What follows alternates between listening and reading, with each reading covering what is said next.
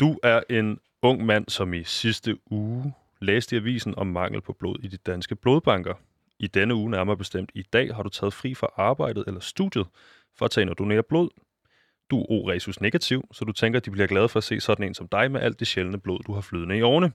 Da du kommer op til skranken, får du udleveret et spørgeskema, du skal udfylde. Hvor gammel er du? Ryger du? Drikker du? Er du homoseksuel? Og hvornår har du sidst haft samleje med en anden mand? Du undrer dig over spørgsmålenes karakter, men du udfylder pligtfuldt skemaet og afleverer det bag skranken. Du sætter dig tilbage på din plads og stiger ud i luften, indtil en person klædt i hvid kittel kommer over til dig, og desværre må meddele dig, at du ikke kan donere blod i dag. Du har nemlig haft samleje med din mandlige kæreste gennem flere år i øvrigt i weekenden, og de har derfor ikke mulighed for at bruge dit blod. Du går derfra og føler dig utilstrækkelig. Måske du føler dig stigmatiseret, og hvorfor egentlig det? Fordi du har haft sex med en anden mand inden for de sidste fire måneder. Hvad har det med noget at gøre? Og det har noget at gøre med den lovgivning, der på området, øh, er på området på nuværende tidspunkt. Og, og det er ikke kun lovgivning, som denne af dagens gæst, Anne Mette Glud Jærel, mener er homofobisk eller transfobisk. Goddag, velkommen til programmet Udråb. Mange tak. Øh, I dag, Anne så skal det handle om øh, LGBT plus personer og deres rettigheder inden for sundhedsvæsenet. Vi skal kigge på øh, tre cases, som ifølge dig er øh, deciderede eksempler på trans- eller homofobi i sundhedsvæsenet. Yes. Øh, og så skal vi tage ligesom den brede snak, der ligger rundt omkring det her emne. Men øh, ja, velkommen til Anne Mette. Og øh, Anne Mette, du er lægestuderende, du er lige ved at være færdig, og så er du rådgiver på sexlinjen og arbejder i Sex og Samfund. Altså sexlinjen for Sex og Samfund. Hvor langt er du med den her lægeuddannelse? Jamen, jeg er færdig til sommer. Du er færdig til sommer. Det er Ja. lige ved at næsten. Hvor lang tid har det taget?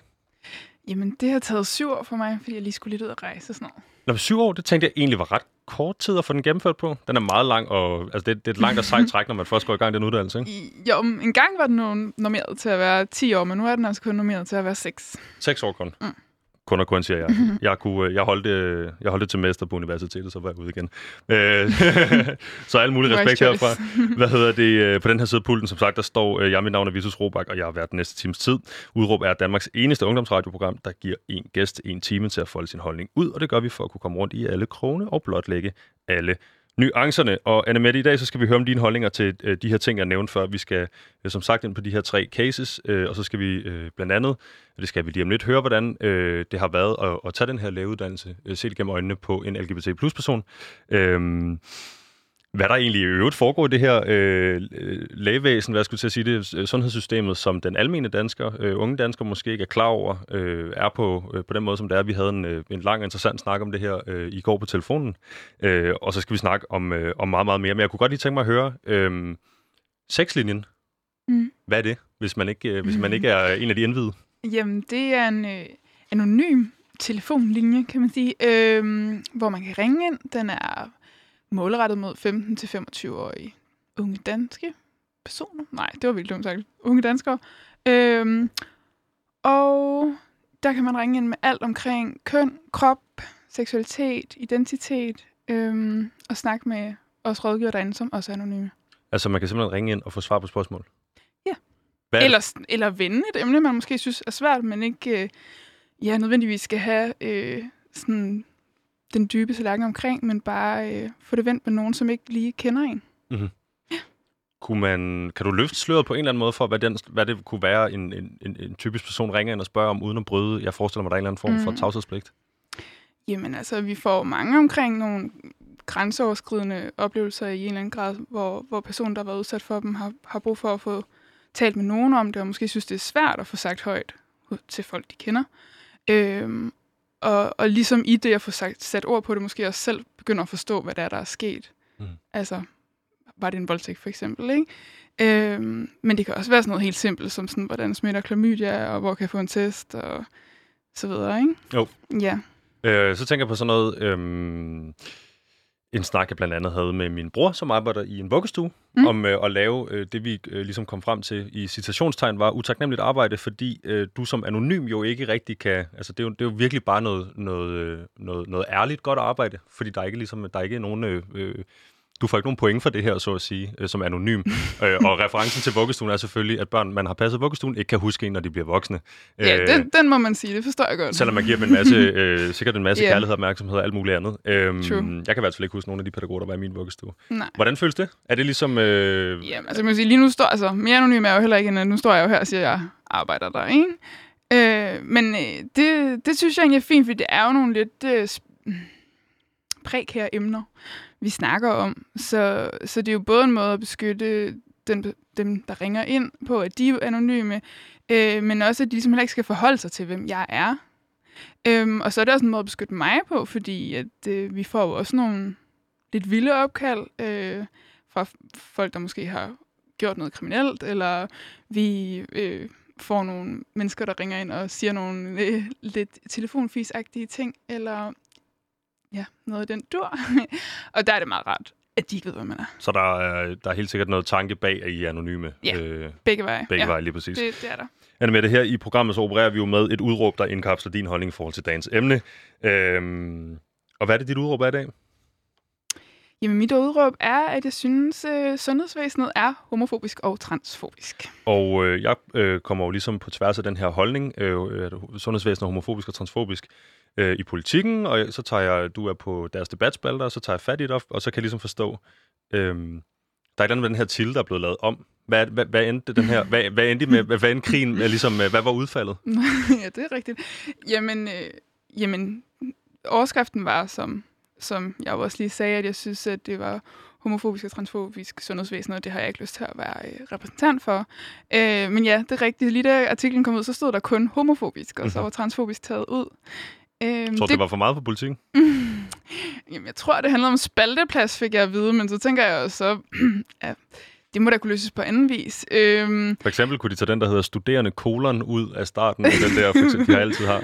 For, præcis, det, det kunne man gøre. Øhm, men altså, det blev også rettet efter, at jeg ringede og sagde, jeg synes, det var lidt underligt, det handlede om, at jeg synes, det var vigtigt at, vigtigt at inkludere alle, mm-hmm. og så blev nogen ekskluderet fra min overskrift. Øhm, men altså på den trygte udgave kan det selvfølgelig ikke ændres. Nej, det er det. Og det er, det er som sagt lidt paradoxalt, øh, at man skriver et debatindlæg, der er lidt i subteksten handler om at ja. være inkluderende, og så ekskluderer de i titlen, yeah. men det er selvfølgelig ikke det, det skal handle om, øh, Anne Mette. Øh, noget, jeg tænker på til gengæld, det er, at øh, sådan, den brede befolkning øh, lærte her i foråret, at et system kan være racistisk. Øhm, yeah.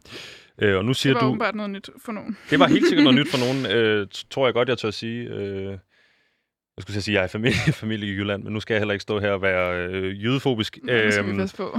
øh, du er jøde, jeg er sådan set også jøde teknisk set, så det, øh, det, det, det, det må vi heller lade være med. Men, men det, jeg tænker på, det er, at øh, jeg tror i hvert fald, øh, det, det er sådan første gang i, i, i nyere dansk historie, at man har en bred folkesamtale om øh, systemisk racisme. Mm. Øhm, nu siger du så, at det her øh, et andet system, nemlig sundhedssystemet, er transfobisk og homofobisk. Så jeg tænker på... Jo, men altså, de her fobier hænger jo tit sammen. Altså, sexisme hænger også sammen med racisme, hænger også sammen med homofobi, hænger også sammen med transfobi. Minor- minoritetsfobi. Ja, ja. ja. Altså.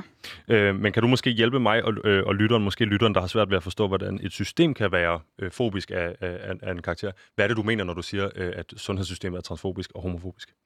Jamen, det er det jo, når der ikke er den samme form for sådan repræsentation i systemet, eller øh, selvfølgelig godkendelse af de her personers øh, rettigheder og behov. Øh, det er jo meget fint, som jeg også nævner i det her debattenlæg, at det er jo meget fint, der er blevet gjort tiltag for at øge ligestillingen for LGBT-personer inden for sundhedssystemet. Altså for eksempel, at øh, øh, lesbiske personer nu godt må få lov at få øh, assisteret reproduktion for at få et barn, og der i øvrigt er medmoren også juridisk ligestillet med faren osv., men når man så ligesom undlader eller usynliggør dem i en journal for eksempel, at der kun kan stå barnefars navn, der kan ikke stå medmor, der kan ikke stå medforældre. Jeg synes jo bare, at vi skulle hive kønnet fuldstændig ud. Hvorfor kan der ikke bare stå fødende eller gravid og så medforældre? Og i øvrigt skulle vi måske også lave en til folk, der er solofødende. Altså hvorfor at der så skal stå et kryds over en partner, som aldrig var ønsket? Altså, øhm, så er det jo ikke ligestillet, når man ikke er repræsenteret. Og, og og usynliggørelse er en form for homofobi,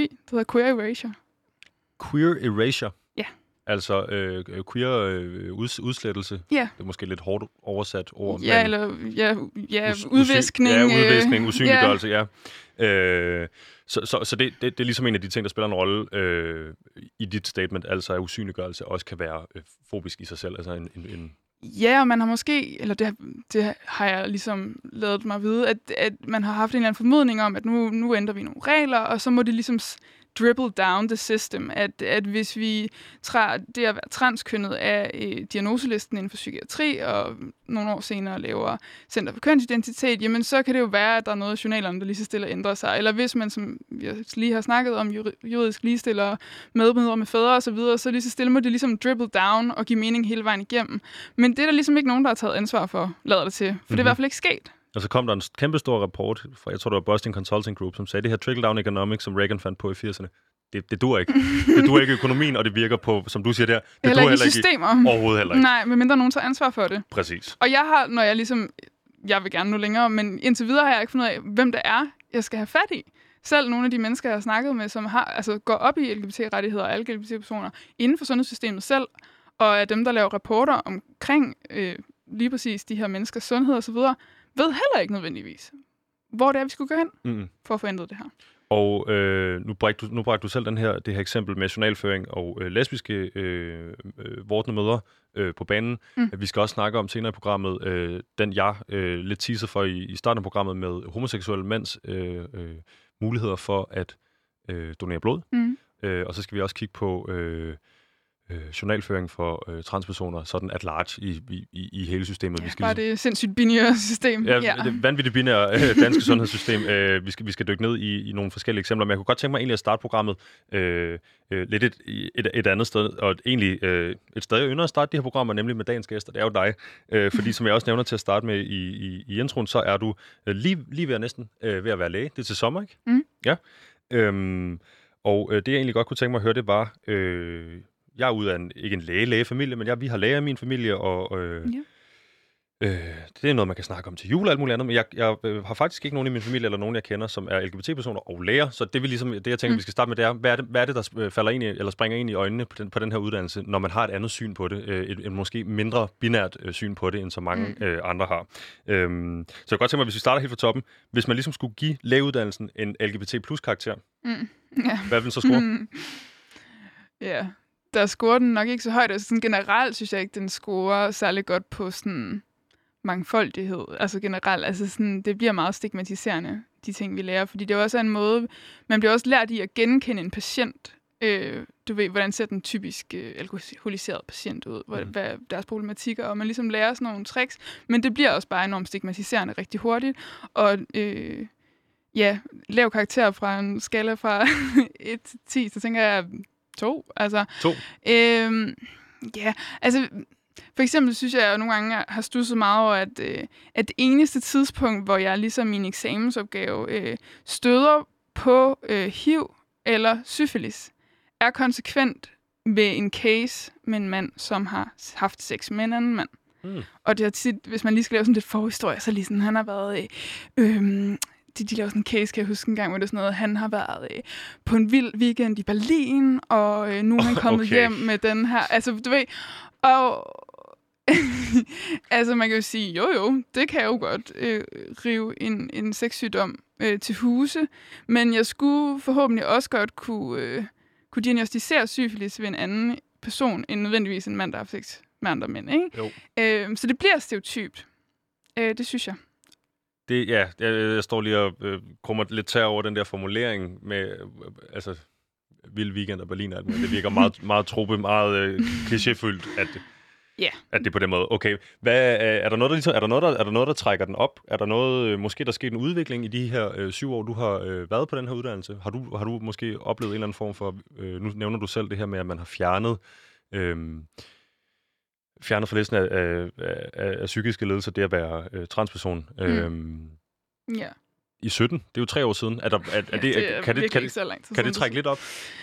Ja, Eller er det altså så inden for systemet i- trækker det da en lille smule op. Spørgsmålet er jo så, om man kan følge med i forhold til, hvordan man så faktisk behandler de personer, der har behov for det. Ikke? Mhm. Men, øhm, men jo, altså jeg tænker i hvert fald, sådan, måske i forhold til mine medstuderende, øhm, der oplevede jeg måske, en, at jeg ligesom blev fremmedgjort øh, som queer-person rimelig hurtigt, Hvordan eller, det?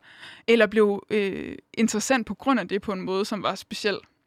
Altså, Øhm. øh, hey alle sammen, øh, Annemette er lesbisk. Lad os snakke. Ja, lad os, eller sådan, åh, hvordan, eller sådan noget. Ja, sådan de typiske, hvordan har man sex, eller øh, sådan noget som øh, en person, man lige har mødt i klinik, som så kan finde på, kan sige sådan, åh, har du en pigekæreste? Og så kan jeg sige, ja, før personen ved, hvad jeg hedder. Og så det næste spørgsmål er, øh, vil I så gerne have børn? Og ved I, hvem der så vil være gravid? Og sådan noget, hvor jeg tænker, wow, eller sådan, det der er der nogle af mine tætteste venner, der ikke engang nødvendigvis sådan lige ja, jeg smasker jo øh, i- Annemette. ja, præcis. Hvor sådan, jeg har kendt dig i 10 minutter, det synes jeg er sindssygt nok, at bare fordi du så at min kæreste ringede på, på min telefon, og det var en kvinde, så tænker du, du lige skal spørge, hvordan jeg har tænkt mig at få barn.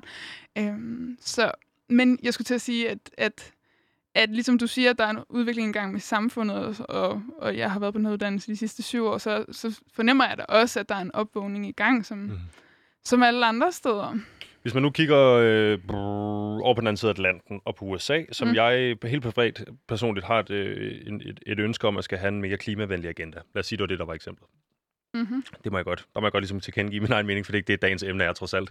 øhm, så tænker jeg tit, øh, det kan være, at vi skal have nogle af de unge mennesker, der står og, eller kæmper den kamp nu, op i de øh, magtfulde øh, positioner, så det kan være dem, der laver forandring, og det kan godt være, det kommer til at tage 10, 20, 30 år, whatever. Er det den samme følelse, du har omkring det her lægesystem, at der måske bliver gjort noget ved det, før øh, øh, din generation, øh, vores generation, øh, er dem, der ligesom træffer beslutningerne? Eller øh, er, det, er, er det ligesom kedeligt at skulle gå og vente på, at, at den forskel kommer, når det handler om... Øh, handler om noget, der er så vigtigt for så mange mennesker? Jamen, altså, der er der helt sikkert noget med generationsskifte, der kommer til at gøre noget, tror jeg. Altså, der er jo også en... Altså, for, for ja, 20 år siden, mener jeg, der var øhm, nogle 70 procent på studiet mænd. Og nu er det altså lige omvendt øh, kvinder, ikke? Øhm, igen meget binært, men, men mere bare, at, at der er nogle, tror jeg, nogle magtstrukturer, der allerede ændrer sig der, øh, når det ikke kun er et mandefag. Øhm, og så, altså, så lige så stille mærke, finder man jo også hinanden inden for det her system, og der er jo andre queer-personer, som også er læger, eller sygeplejersker, eller sosu, eller så jordpersoner. Så, og jeg synes, at det momentum, der er i samfundet til at snakke om nogle af de her problematikker, øh, minoritetsproblematikker, gør også, at øh, vi tør tale højere, af min fornemmelse. Mm. Altså, vi tør råbe højere, fordi at der måske er momentum for at blive lyttet til.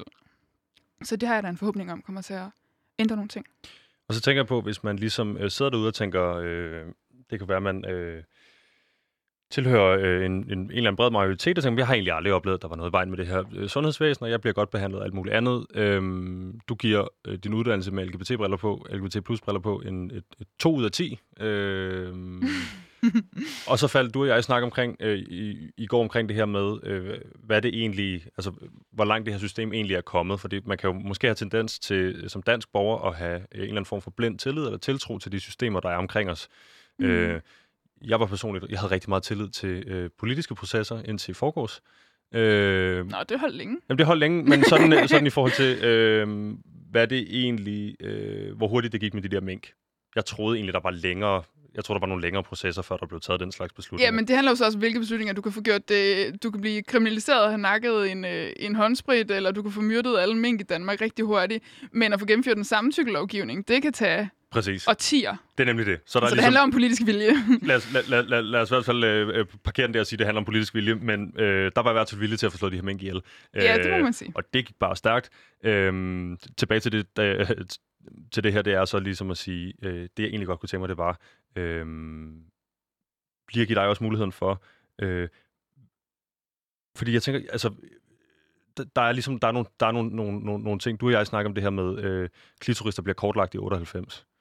ja. Altså, hvordan der nu er nogle skævheder i, mm. i sundhedssystemerne, ikke nødvendigvis i Danmark udelukkende, men sådan set på, på verdensplan mm. i forhold til, øh, øhm, hvor god man har været til for eksempel at studere kvindekroppen, såvel som mandekroppen, og, og gøre det på lige fod. Jeg tror også, du nævnte det her med, øhm, øh, hvad hedder det, øh, var det hjertestoppet?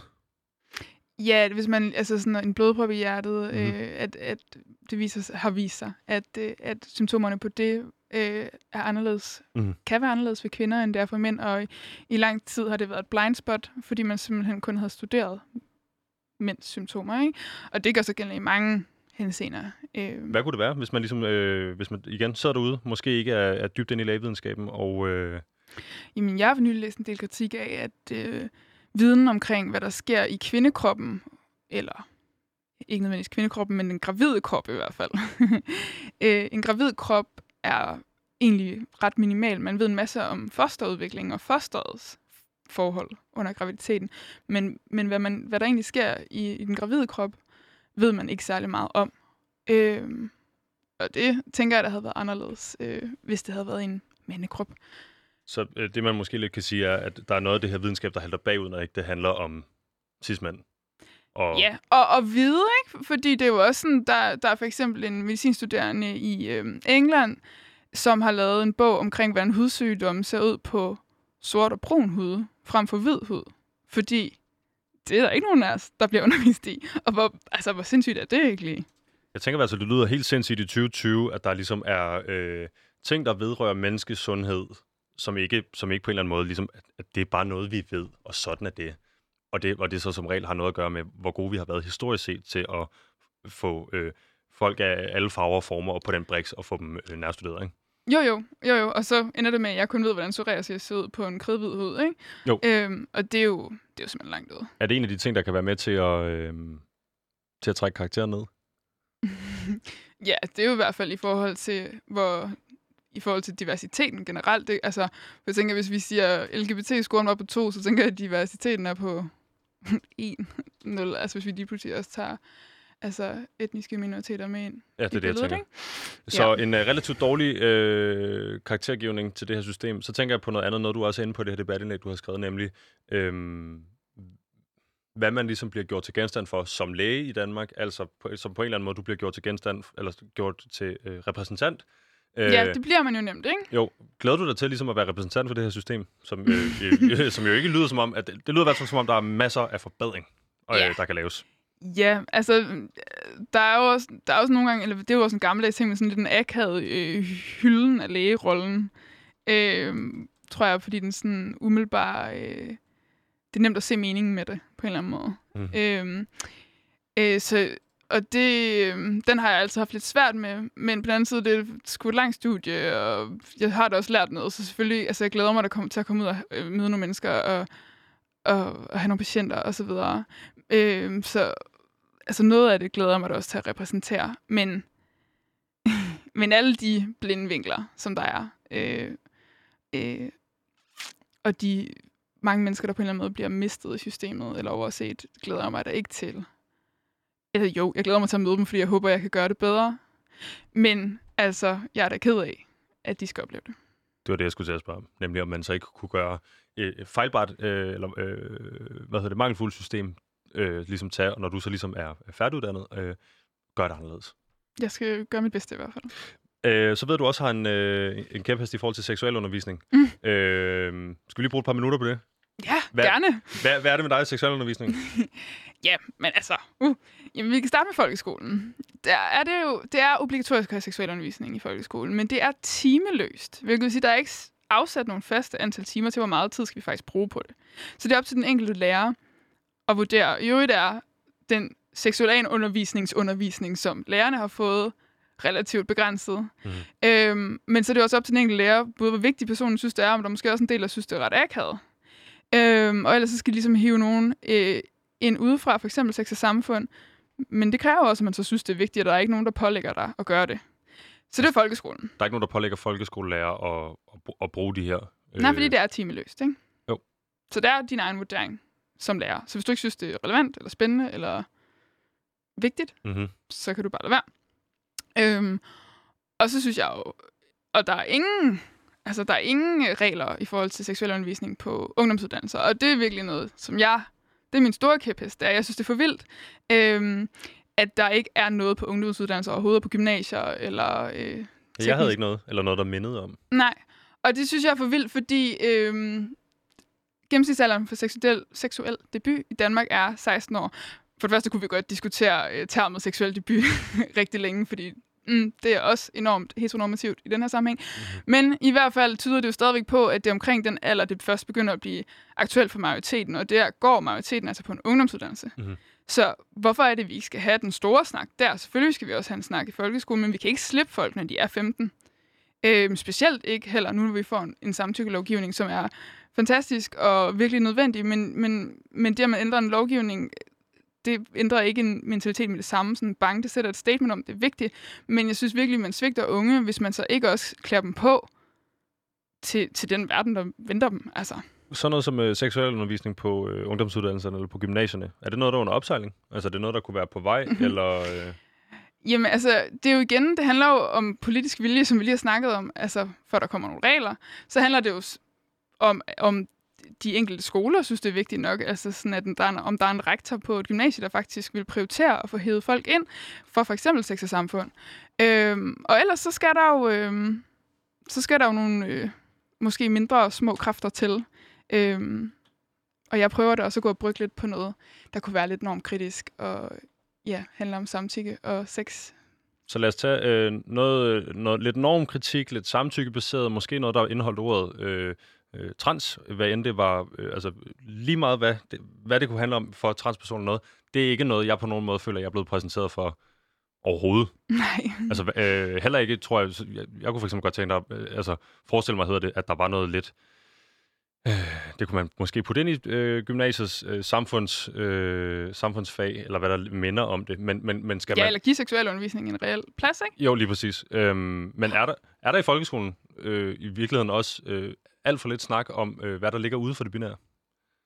Det synes jeg da ved Gud. Jeg har, jeg har så ikke haft seksualundervisning i 10 år i folkeskolen, eller 15 Jamen år. også fordi det bliver jo, det er jo en ting, man ser, det bliver jo også stigende grad aktuelt for den yngste generation. Altså, der er flere forskellige studier, blandt andet var der ikke i England for et år siden, der ligesom tyder på, at øh, folk under 25, 23 var det godt nok der, men at der majoriteten identificerer sig faktisk som noget andet end for eksempel heteroseksuel. Mhm. Altså, så øh, vi, en gang var det jo sådan, men det var jo normalt, det er jo normalt at være homoseksuel, så det er også det, vi skal undervise i seksualundervisning, vi skal undersøge, eller undervise i det heteroseksuelle penetrative samleje, og så de få, der måske mangler noget, fordi de er homoer, de må finde ud af det selv, hvor sådan, altså, vi ender med, at det er majoriteten, vi svigter. Mm-hmm. Altså, det var også forfærdeligt, vi svigtede de to, der åbenbart kun fandtes i sin klasse dengang. Men altså, Det var nemlig sådan, også noget, du fik at vide. Jeg, jeg kan huske det der meget tydeligt. En, øh, en ud af 10 øh, drenge herinde skulle blive homoseksuelle, og så sad drengene og kiggede sig rundt omkring. Oh, så er det jo en af os agtigt Åh, øh, I stedet for ligesom at sige, ja, nu har, der, nu har der så tydeligvis været en udvikling i, hvor mange det øh, er. Jeg har, jeg har ikke talt Ja, og måske, det er ikke nødvendigvis nogen, der, at de kommer til at definere sig selv som homoseksuelle, men som noget andet end heteroseksuelle. Det er jo også det, fordi den, det, er jo også, det, det, det tegner et billede af en flydende øh, opfattelse af seksualitet, og i øvrigt også køn. Ikke? Mhm. Mm-hmm. Øhm, Det var det med seksualundervisning. det kunne vi snakke længere om, men... Øh, ja, men, og, og, og det, det jeg virkelig tænker, vi har gjort indtil videre, det er, at vi har, øh, vi har kigget på øh, et system, der både i forhold til, øh, hvad man lærer som øh, læge, øh, hvordan oplevelsen i øvrigt er som LGBT plus person øh, inden for den her uddannelse, og så i øvrigt også, øh, hvad den gængse danske borger får at vide sådan fra skolens side. Og der er jo noget, der hedder seksualundervisning i folkeskolen, så det kunne godt være lidt mærkeligt, at man... Altså, jeg havde øh, også en gæst inde i, i forrige uge, Nana Haring, som nævnte, at øh, hvad med sådan noget som deling af int- øh, hvad hedder det, nøgenbilleder øh, og så videre. Måske Men- man skulle snakke om det. Jamen, det er da en del af seksuel undervisning. Altså, god seksuel undervisning Præcis. handlede jo ikke bare om, for eksempel, hvordan bliver en øh, krop med en vagina gravid. Det handlede for det første om, hvordan får man den til at komme. Det, lad os få lukket det orgasme gap der. Øh, men så handler det der ved Gud også om, okay, hvordan, øh, hvordan gebærer vi os på nettet? Mm-hmm. Altså, og hvad er samtykke, og hvad er det i mange henseende? Altså, I stedet for det, hun beskrev som værende en, et stafetløb op til et stolben for at hive et kondom over det der stolben. jamen jeg tror, præcis. det var det, det, det er måske og begrænset, selvfølgelig skal hvad, hvad prævention fylde noget, men det skal jo ikke være det eneste. Mm-mm. Det tror jeg måske godt, man kan kode det lidt ned til.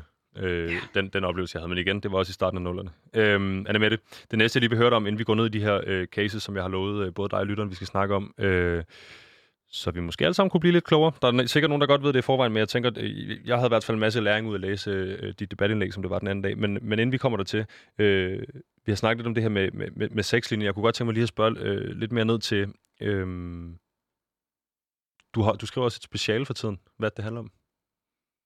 Øh, jamen, det handler om, øh, hvordan og hvorledes og hvor meget øh, danske psykiater spørger ind til seksualitet i klinisk praksis. Mhm. Og seksualitet øh, forstået bredt som seksuel funktion og dysfunktion og orientering osv. Og, øhm, og ikke bare som seksuel orientering, fordi der er mange, der tænker, og det tænkte jeg egentlig også nogle gange selv, altså når man hører ordet seksualitet, så tænker man seksuel præference, ikke?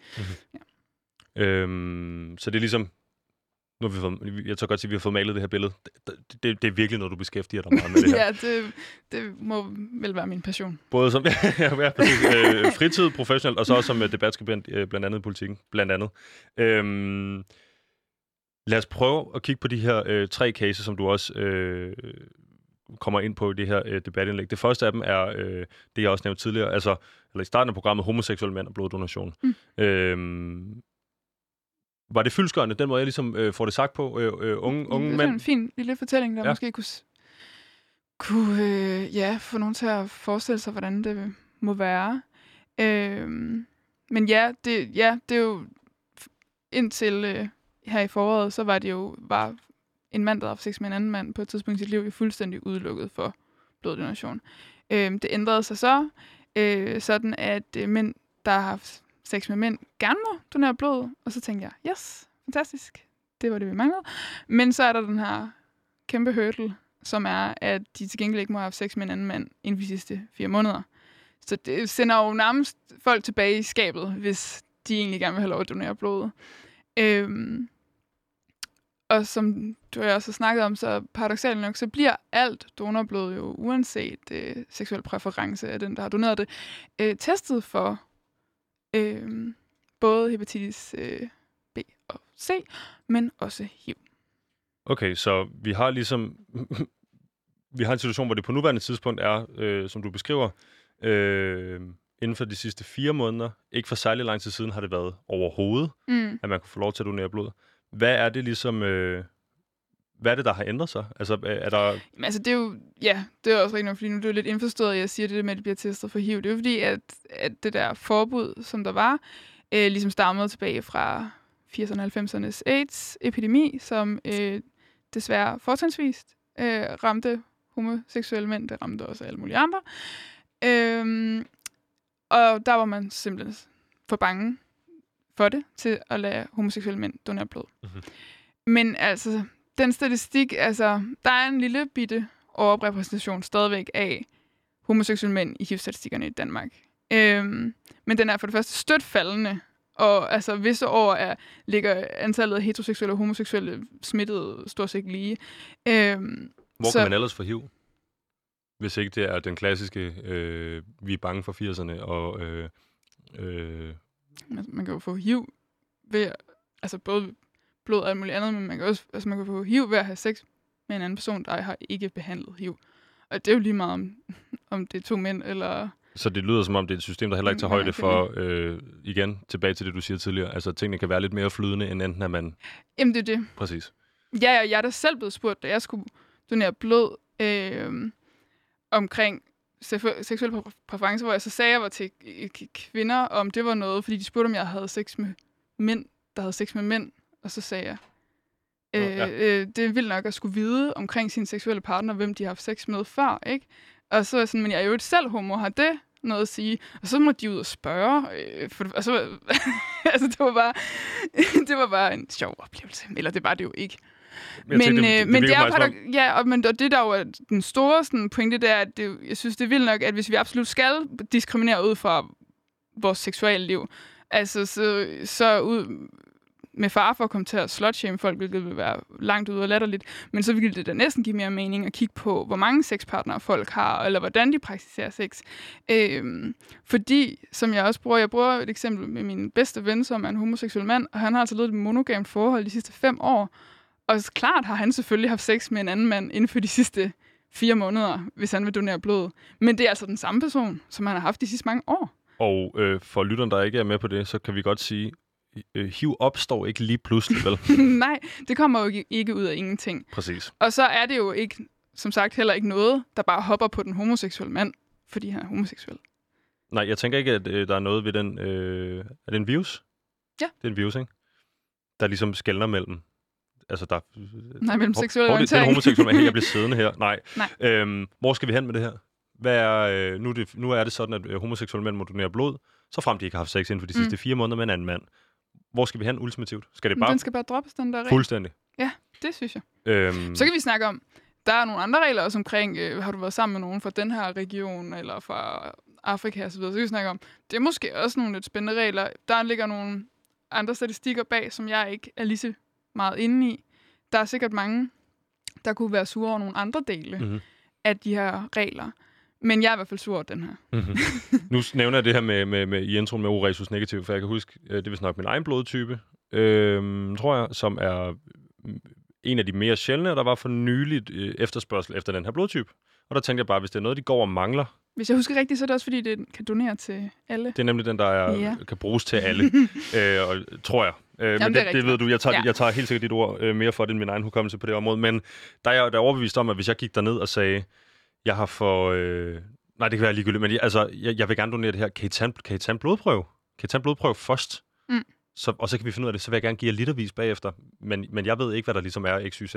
Så kan de vel give mig en, eller tage en blodprøve? Altså, du tænker i forhold til HIV, for eksempel, altså HIV? Ja, eller om, øh, hvad, hvad djævlen der ellers måtte være i mit blod, yeah. spændende ting, de vil sikre sig. Ja. Øh, altså, Altså, altså, den store frygt ligger jo noget med, øh, at hvis du havde fået det i går, ville man måske ikke kunne teste det i dit blod. Altså, der er sådan nogle ting der, men det, men det her blod ligger og bliver testet osv. Altså, der er måder at komme udenom det på, og som sagt er det jo heller ikke kun mænd, der har sex med mænd, der kunne risikere at have det. Så hvorfor er det, vi laver lige præcis den her diskriminering, når nu ikke vi er midt i en AIDS-epidemi længere, vel? Øh, og så tror jeg lige, bare for god skyld, for du sagde nemlig tidligere, det var da sjovt, øh, at du havde den oplevelse der med, at du bliver spurgt om, og det ved jeg godt, du mener, det er selvfølgelig ikke sjovt, men Nej. det er også det, der, det er, for det er nemlig også det, der er problemet. Men det bliver jo tragikomisk på nogle punkter, ikke? Jo, præcis. Ja. Og jeg tænker, det, det, det, det er jo også det, du mener, der er problemet i de her situationer er. Så skal man sidde der og føle sig helt af helvedes til, på baggrund af, hvordan man er som menneske. Ja, ja, og så der er jo et ekstra lag i det, fordi at, at det er også noget, jeg har nævnt i øvrigt i mit indlæg der, men så er der jo et andet lag, at, sex, der har, eller kvinder, der har sex med kvinder, der er det jo så i den anden grøft, at øh, der er mange, der tror, at der kan slet ikke florere nogen former for sexsygdomme mellem kvinder, der har sex med kvinder. Og øhm, hvor jeg også, som jeg også skriver, at det er jo en sindssygt heteronormativ altså tilgang til, hvad sex er. Fordi altså, hvis man ved noget om bakterier, hvis man ved noget om virus, så ved man, at det smitter gennem sekreter. Mhm. Og altså, kvinder, der har sex med kvinder, eller non-binære personer, eller bare to personer med en vagina eller flere, øhm, jamen altså, de holder jo ikke bare i hånden. Det er heller ikke specielt polyamorøst, det her. Altså, der, nej, præcis, Nej, de holder nej. nemlig ikke bare i hånden, og det, og det er også, øh, øh, uden at det skal blive en snak om det, så tænker jeg, øh, det kunne være, øh, sex der involverer mere end, øh, mere end to mennesker. Altså, det kunne Mm. være alle mulige forskellige konstruktioner Mm. med alle mulige forskellige øh, øh, mennesker, der identificerer sig på alle mulige øh, måder. Altså, og, og, det, og der, der virker som om, der kun, i stedet for det, så bliver der kun taget højde for én ting. Fuldstændig. Og det er den klassiske binære model, ikke? Jo, jo, og hvor ting øh, kun øh, smitter ved noget, en, en bestemt, altså en penetration med en pik. Ja, præcis. Og mor og far, nogen skal lave et barn, og det er det, det handler om. Ja. Og hænderne oven på dynen, og så videre, og så videre. Mm-hmm. Øh, Anne Mette, det næste, øh, det næste case, øh, du bringer frem i det her debatindlæg, som jeg tænker, vi skal bruge lidt tid på at snakke om nu, det er den med de lesbiske par og svangerskabsjournalen. Mm. Vil du prøve at fortælle mig og lytteren, hvad det handler om? Ja. Jamen altså, øh, og nu, nu siger vi kvinder, fordi nu, nu bliver det lidt binært, men altså, der er jo også øh, Du skal Non- bare kalde mig ud, hvis jeg bliver... Øh, non-binære medforældre og alt muligt andet. Ja. Øhm, men lad os lige tage øh, eksemplet med, med, med et lesbisk par. De, har i Danmark adgang til at få assisteret øh, reproduktion øh, som et et heteroseksuelt par, hvor man sidder for eksempel ikke donerer, eller dur, så de skal bruge en donor. Det samme gør sig gældende for, for et lesbisk par, fordi de kan ikke reproducere ud- uden en sæddonor. Og det kan man få hjælp til på statens regning. Så det er jo ligestillet. Øhm. Og så er det også i 2013 blevet juridisk ligestillet i den forstand, at, at medmoren og, eller medforældrene, som jeg synes, det burde hedde, så vi kunne få alle med, men medmoren er juridisk ligestillet med faren, øh, eller med faderrollen. Øh, men det der jo så er, og det er jo godt alt sammen, men det der så er, det er, for, når en person, der er gravid, går til lægen, øh, så skal det, man have udfyldt, øh, eller den første, sådan, første lægeseance, eller sundhedsfaglige seance, der skal man have udfyldt nogle, øh, nogle journaler, blandt andet en svangerskabsjournal, hvor, hvor der skal stå noget om graviditeten og den gravide, men så står der også sådan helt, du ved, firkantet formelagtig barnefars navn. Øhm, og det synes jeg er vildt nok, når det er så mange år siden, at det er blevet ligestillet juridisk. At så står der stadig det. Så øhm, jeg har en veninde, der er jordmor. Altså, hun ved godt, at hun skal bare skrive den ikke fødende mors Mhm. mm-hmm. navn på der, men øh, bliver jo nogle gange, nogle gange nødt til at talesætte, måske sådan, om jeg bliver nødt til at skrive dig på som far, fordi der er ikke andre muligheder. Det er jo langt ude. Andre, jeg har fået andre fortællinger fra mine venner, hvor de har været nødt til at stå og argumentere for over for en læge, at der ikke skulle stå ukendt donor, men der skulle stå navnet på den kvinde, som havde alle de samme rettigheder og forpligtelser over for sit barn, Fordi som var den far. ukendt donor vil være øh, default position for, Mm, altså for, for lægen, der ikke... Øh, altså, ved en skid åbenbart. Jamen, eller øh, altså, i, følge, i forhold til at tænke sådan, du ved, skal man tænke helt dogmatisk og sige, følge reglerne. Altså, er de, eller er, er, er det så... Jamen, det er det, det, er det, det, ved jeg, det ved jeg ikke engang, fordi nu, den her ukendte donor, som, som, øh, for, som det her potentielle øh, lesbiske par har fået sæd fra, har jo ingen forpligtelser eller rettigheder til det her barn, så det er jo ikke en far. Mm, Det er en ukendt donor. Men der er til gengæld en kvinde, som har alle forpligtelserne fuldstændig de samme. Så det er da vel hendes navn, der skal stå der. Mm-hmm. Altså sådan, jeg kan slet ikke... Ja. Og så handler det jo vildt bare om, at der ikke er blevet slettet, at der skal stå barnefars navn, men at der bare skal stå medforældres navn. Så vi har, vi har en situation igen, hvor øh, det juridisk set, som du siger, er der blevet lavet øh, forandringer på det her område, altså har øh, øh, ikke fødende øh, mor i, en, i et lesbisk øh, forhold, ja, medforældren. Øh, ja. medforældren har, har, har juridisk fuldstændig samme rettighed som mm. øh, øh, fødende forældre. Øh, hedder det noget andet? Altså, det, jamen, altså, den Med, gravid, eller... Ja. Gravid, medforældre. Ja. Gravid og medforældre. Øh, Ja, det bliver jo så endda, når man læser om det, kaldt med mor. Med men hvor jeg jo tænker, det kunne man jo godt gøre ikke kønnet, fordi det behøver ikke altid. Men ja. Præcis. Men der er altid, altså jeg tænker, hvis man endelig begynder at lave rundt på de her øh, journaler, så er der... Ja, så lad os da droppe kønnet i det, ikke? Så, så ring til Anne Mette Jarl, fordi hun har nogle ting, hun gerne vil fortælle. Hvad hedder det? Øh, det, jeg tænker, nej, det jeg tænker på mere konkret er, øh, der er... Øh, man har ændret det juridisk, og så til, tilbage til det, du sagde tidligere. Øh, og så har man måske håbet på en eller anden form for trickle-down-effekt, mm. hvor det har hvor det så bare på magisk vis ændrer sig, men det har det ikke. Så hvad skal der til? Du har sagt, du har prøvet at ringe dig, Jamen, du der, ved ikke, om du skal have fat i. Jamen, ringe Nej, det var, fordi jeg var til, til noget, hvor vi øh, snakkede om øh, LGBT og lægepositioner osv., hvor, hvor, hvor der var en masse mennesker i rummet, der vidste meget om det her, hvor, hvor de heller ikke vidste det. Mm. Altså, kunne fortælle mig, hvor skal vi gå hen. Så, så jeg, øh, jeg skal videre i min search, men, altså, men jeg tænker, der må være et eller andet offentlig instans, der, der kan rette den her formel. Og så vil jeg også sige, jeg tror også, at på nogle mennesker kan det virke sådan lidt... Øh, perfidt, eller sådan noget, at, at hom, altså, kan man ikke bare... Okay, eller sådan, du ved, ja, ja. Og, det, og, og på nogle punkter kan jeg også godt se, det er jo, så kan man bare strege over og skrive øh, mor eller et eller andet andet. Men, men det gør jo bare, at, at når man bliver når man kommer ind ad døren, så bliver man, er man allerede forkert på en eller anden måde. Man er allerede usynlig, og med mindre, at du tilfældigvis sidder over for en sundhedsfaglig person, som ved det her af sig selv, altså sådan, så, så kommer du i en situation, hvor du kommer til at føle dig utilpas, fordi at den her person, kom, altså den her sundhedsfaglige kommer til at sige far, og der er ikke nogen far i rummet. Mm-hmm. Øhm, og, og, og, og, og så sker der også det, at så er der måske også nogle mødergrupper, eller der er nogle øhm, sådan noget fødselsforberedelse osv., hvor der heller ikke bliver inkluderet andre end mor og far. Ikke? Øhm, så det der med at få ændret det hele, altså få ændret det i, i systemet, tror jeg også, altså så, så, så tror jeg også, at så forhåbentlig, hvis lige pludselig barnefar ryger i journalen, så kunne det være, at han også røg i, i fødselsforberedelsen. Mm. Ikke? ikke at far ikke skal være velkommen, men han er bare ikke den eneste. Præcis. øh, jeg tænker jo også, når jeg hører de her ting, øh, hvis man siger, eller hvis man synes, at det er perfidt, øh, at, at nogen har dårlige oplevelser med ting, øh, så plejer det at være sådan, efter mine erfaringer, at så er det, fordi man selv tilhører majoriteten, eller det mere binære system, og ikke har oplevet de her ting. Man har nok ikke siddet i den situation, nej, hvor det... man hele tiden sådan, enten bliver nødt til at springe ud for nogen. Eller... Præcis. Ja, ja. Det er ja. den ene ting, og den anden ting er, at hvis, hvis man siger, at det er jo ingenting, så tænker jeg, så det må man kunne vende det argument rundt og sige, nej, det er lige netop ingenting, så lad os så bare få ændret på det. Få det ændret, ja. I så deltid, hvis det handler om et stykke papir. Jamen, det er det. Og, og nogle andre ting i nogle computersystemer. Jo, altså, det kunne være lækkert, ligesom at samtykkelovgivningen meget gerne må blive øh, fuld af noget solid, god seksuel undervisning til ungdommen, så synes jeg da også, at nogle af alle de ændringer, som allerede er sket inden for sundhedssystemet, og så må der jo gerne ske nogle flere, også meget gerne måtte øh, blive fuldt af, at på alle sundhedsfaglige uddannelser, så var der noget undervisning i normkritik, og i øvrigt også intersektionalitet, så det var alle minoritetsgrupper, vi ligesom kunne rumme, og ikke bare LGBT-personer, men også etniske minoriteter. Øhm, det synes jeg øh, er tiltrængt. Mm-hmm. Sidste case. Ja. Transpersoner og journalsystemer mm. også. Øhm, ikke nødvendigvis svangerskabsjournaler, det her vi har snakket om nu. Det men minder sådan, jo lidt om. Det er lidt den samme. Præcis. Men kan du prøve lige at fortælle mig, hvad er, hvad er situationen øh, på nuværende tidspunkt, og hvorfor det er et problem? Ja. Jamen, Eller altså, hvorfor er det virkelig, hvorfor er det forbi? Jamen, altså, man sige, altså, fobien ligger jo heller ikke så langt væk, desværre, når, når det først er blevet taget af diagnoselisten inden for psykiatrien i 2017, og hvad, at være transkønnet, ikke? Og ja, hvad, hvad vil det ligesom sige, at noget bliver fjernet fra den liste der, hvis ikke man er helt med på det? Jamen, det er, det er jo ikke er en sygdom længere. Øhm, og det bliver det jo i hvert fald sådan i, i sådan mere sådan systemagtige kredse, eller hvad man nu skal sige, øhm, opfattet som indtil da. Øhm, og så blev der to år senere oprettet Center for Kønsidentitet i 2019, øhm, hvor man ligesom forsøger at give transpersoner eller non-binære personer og eller fordi man kan også være tra- non-binær transperson, øh, den sådan adekvate hjælp og behandling. Ikke? Øh, men det bliver jo transfobisk, når alle andre steder i sundhedssystemet er de ikke inkluderet.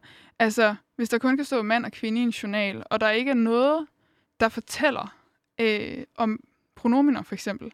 Altså, det er jo igen en... en jeg tænker, Pronominer for, for lytteren derude, der ikke er helt med på det her. jamen, dit pronomen, så vidt jeg har forstået, er han, Korrekt. og mit er hun.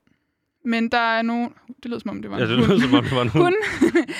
øhm, Hun, hende, Ja, men øh, hvis en non-binære personer vil hellere kaldes de, eller, eller, Dem. eller skal kaldes, øh, den, dem, ja. Øhm, og det er jo ligesom noget, der ligger ude for det binære system, som vi er så vant til, ikke? og det binære system vil være, der, Han, kun, hun, der Ja. findes kun han og hun. Ja.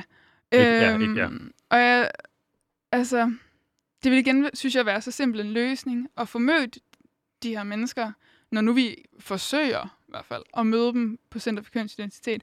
Hvis vi ligesom kunne møde dem i resten af systemet ved at sige, at det kan godt være, at der er et, det køn, men ligesom det fø- tildelt ved fødslen, har en eller anden relevans i nogen medicinske sammenhænge. Fair nok, så kunne det måske stå et sted, men så kunne vi i øvrigt også informere om, hvad personens pronomen er.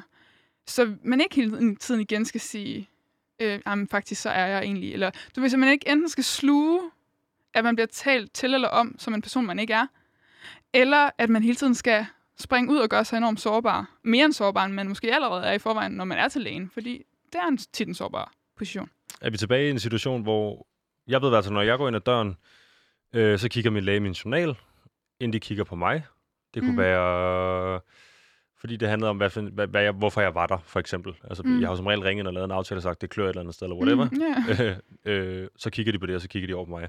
Der kunne for eksempel stå pronomener. Altså, Det kunne der jo. øh, hvordan skal jeg tiltale de her mennesker, der kommer ind ad døren? Det kunne der jo, og igen tror jeg også det med, at hvis man ændrer systemerne, kunne man, og hvis man så, som jeg jo drømmer om, får noget enormt kritisk undervisning på sundhedsuddannelserne, altså man så også kunne, kunne få skabt en stemning af, at man ikke øh, går ud fra noget bestemt, når der er en person, der sætter sig over for en. Altså, jeg kan jo genkende det fra, at folk, eller jeg har i hvert fald oplevet, at nogle læger går ud fra, at jeg har sex med mænd, Fordi eller er min kæreste er en mand. Mhm. Øh, men så skal jeg ligesom sige, nej, hun er en kvinde, så vi, altså du ved, vi behøver ikke beskytte os mod graviditet. Eller sådan, du ved. Og, og det kunne jo være rart, hvis det ikke var defaulten, at selvfølgelig er min kæreste en mand.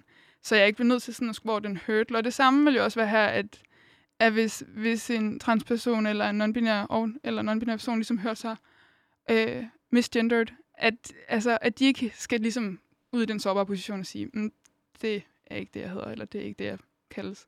Øhm, For en god ordens skyld, tænker jeg, hvad er det, hvad, hvad, hvis den ikke er sunket helt ind for lytteren derude, mm. hvad, hvad, er, hvad er problemet i at skulle, at skulle er, er det et spørgsmål om, hvor hyppigt det foregår for, for øh, Det er jo et spørgsmål om, at det er jo desværre dagligdag for mange minoritetspersoner at hele tiden skulle forklare sig selv og øh, validere sig selv og øh, stå desværre øh, på mål for ret meget chikane og mange ubehagelige situationer. Altså, der er meget større risiko for, at man bliver udsat for voldelig overfald, hvis du er en LGBT-person. Der er større risiko for, at du bliver udsat for seksuel overgreb, hvis du er en LGBT-person.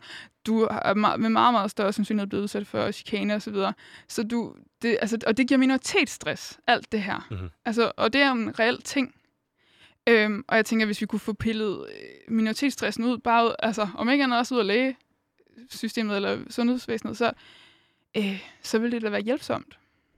Jeg tænker, vi har øh, et fantastisk godt system heroppe i, i lille Danmark, og det er ikke specielt mange mennesker, øh, det, det, drejer, eller det ligesom handler om, og derfor tænker jeg, at man hurtigere øh, i Danmark end i lande med mange, øh, meget større befolkning øh, kan ændre på de her ting. Øh, tror du, det vil være helt vildt dyrt, helt vildt besværligt at gøre det, Altså, at slet øh, barnefars navn og skrive medforældre, og så i øvrigt inden for øh, og lige tilføje pronominer. pronomener? Nej, det tror jeg da ikke. Hvorfor er det så ikke, der bliver, hvorfor bliver der ikke gjort noget ved det? Jamen, øh, de mennesker, der har magten til at gøre det, må jo øh, ikke finde det vigtigt endnu.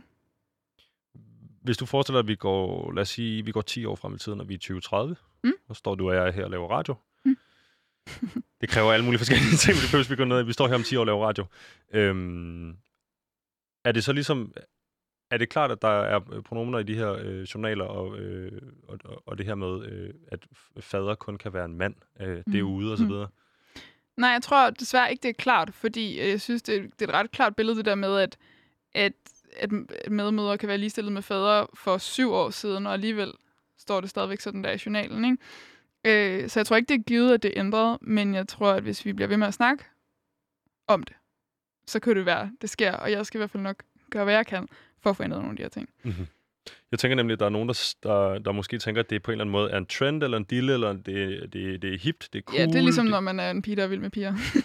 ja, lige præcis. It's a phase. It's a phase, og du, og du skal nok komme igennem det over på den anden øh, side, over i, i det her, øh, den her binære øh, ja, det Garden of Eden. binære hetero øh, verden, som, Ja, som vi kender. Øhm, og Ja. og det, det slår mig øh, som om, at det er ikke virkeligheden. Det er, altså, det er ikke en dille, det er ikke en fad, det er ikke en face. Det er, øh, det, det er virkelig liv for rigtig mange mennesker, der Nej, det er jo det, det er hvis man, og hvis man så skal være så firkantet, som nogle gange man skal for at overbevise nogen, så er det jo det med, at når man kigger på statistikker fra England for eksempel, og det viser sig, at majoriteten af unge definerer sig som noget andet end, end, end heteroseksuelle osv., jamen, altså, så er det jo ikke, altså, så kommer der jo endnu, en endnu større bølge af folk, der behøver den her inkluderende måde at være i verden på, fordi altså, det er ikke en del, som du siger, det går ikke over det her, Præcis. heldigvis. Og det bringer mig frem til det sidste, jeg tænker, vi skal nå at snakke om i dag, for vi har blot fire minutter tilbage af dagens udsendelse. Det er nemlig det her med øh, noget, som du, noget, du nævner i det her debatindlæg, som jeg tror, du også fik nævnt i starten af det her program, nemlig at systemet bør inkludere LGBT plus personer hele vejen. Ja. Øhm, hvad betyder det? Jamen, det betyder, at de ting, vi har snakket om, de der meget konkrete eksempler, skal ændres. Øhm, og så er der helt sikkert også, eller det ved jeg, der er masser af ting, jeg ikke har nævnt. Altså, øhm, og jeg har jo heller ikke snakket om, om andre, altså for eksempel altså stigma af etniske minoriteter og alle mulige andre, og vi kunne sige able-bodied og øh, ikke able-bodied, og vi kunne sige... Øh, Vil du lynhurtigt forklare, hvad det er? Jamen altså, øh, at have en øh, krop, som Jeg tror, jeg, jeg tror, Ja, hvad skal man sige? Altså, øh, for eksempel en handicappet krop, øh, som vi kalder det, øh, er den inkluderet i, i de, den måde, vi snakker på, og det vi, øh, det, vi ved noget om, og dem, vi behandler. Altså Præcis. sådan, og øh, fatshaming kunne være en anden ting. Altså, vi, altså der, er meget, der er mange ting, vi kunne tage fat i. præcis.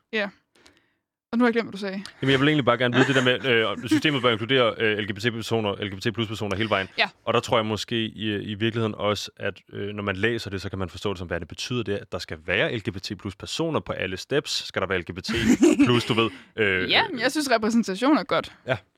Øh, men ja, de her konkrete eksempler, nu er jeg tilbage, øh, hvad hedder det, um, som jeg har nævnt, de skal selvfølgelig rettes op på, men, men det skal også være, altså, vi har behov for den her øh, undervisning. Vi har behov for, at folk ved noget mere om folk, der ikke bare er lige præcis som dem selv.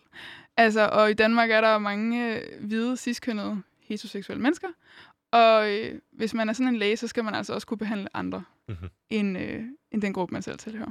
Nu har vi lige fået en øh, kvinde tilbage i en af de tre øh, lederposter, der er i Nationalbanken. Ja. Mm, ja, tror jeg. Øh, hun er den anden kvinde, der sidder i den post.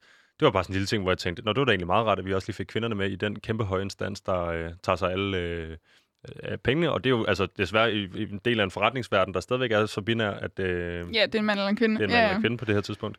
Øhm, men skulle man måske prøve at se, om man kunne få nogle øh, transpersoner ind i ledelserne på hospitalerne, eller et eller andet, hvad jeg på en eller anden måde godt tør antage, at det ikke er på nuværende tidspunkt. Ikke hvor jeg lige i hvert fald har været øh, i kontakt med. Jamen øh, ja, altså, det, det kunne da være dejligt. Det kunne i hvert fald, altså, det er også altid sp- spændende det med at, øh, du ved, pege nogen ud kvæg deres minoritetsbørn, eller sådan, du ved, når jeg bliver kontaktet, om jeg vil medvirke i et eller andet, hvor jeg ved, at det, altså, hvor jeg virkelig kan mærke meget, at det er, fordi jeg er læbe. Eller sådan, du ved, og det, så, det kan også være en lidt voldsom ting, at Ja. blive sådan peget ud, fordi du er en minoritet, og så kunne man blive brugt til at gøre noget diverst, hvilket jo egentlig er en god ting. Men, men mere bare, at, at jeg håber da ved Gud ikke, at der er nogen, der øh, vil blive valgt fra på at være transperson, eller være non-binær Det er måske øh, den vej rundt i ind i virkeligheden. systemet.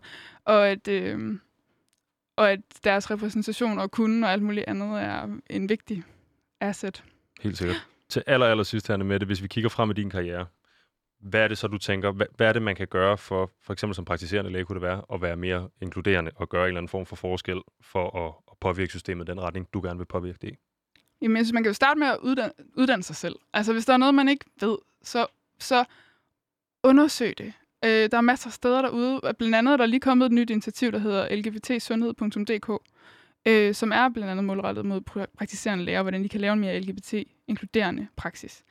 Øh, men som, som, i, som, som i så mange sammenhænge, også i forhold til Black Lives Matter Movement osv., at det ikke nødvendigvis de personer, det handler om, øh, pligt at uddanne dig, det er din egen pligt. Altså, det har jeg hørt meget ved at sige i det ja. her program. Ja, Og, det, og det, er jo, det gælder altså også det her område, at, at bare fordi du så kender, kender en homoseksuel person, så er det ikke den her persons ansvar at forklare dig alle øh, facetterne, fordi mm. det kan være øh, sårbart at være den at sidde i en diskussion, men hvor man egentlig kun er, det kun er den ene, der ligesom har noget øh, personligt investeret, øh, hvor der ligger nogle følelser på bordet, og den anden bare er nysgerrig eller gerne vil bare være klogere. Øh, så det kunne man jo gøre. Altså, ja. uddanne sig selv. Og det er jo så øh, skønt for mig, at jeg får lov at blive øh, uddannet kvæg mit øh, job som radiovært. Øh, på alle mulige forskellige områder, men blandt andet øh, på det her område i dag. Øh, tusind tak, fordi du vil øh, komme og, og, og ligesom øh, udfolde nogle af de her øh, ting, du også nævnte i det her debatindlæg i dag med det. Rigtig mange tak, fordi jeg måtte komme. Øh, jeg vil sige til lytteren derude, du har lyttet til Udråb med mig, Vitus Robak, og dagens gæst, Anne Mette Glud Jærl her på Radio Loud. Programmet var produceret af Rakkerpark Productions. Produceren hedder Thijs Kamuk. Det er også dagens tilrettelægger. Hvis du sidder derude med noget, du gerne vil dele med os, så skriv til udråb Vi er tilbage igen i morgen fra 12.05 til 13. Tak for i dag.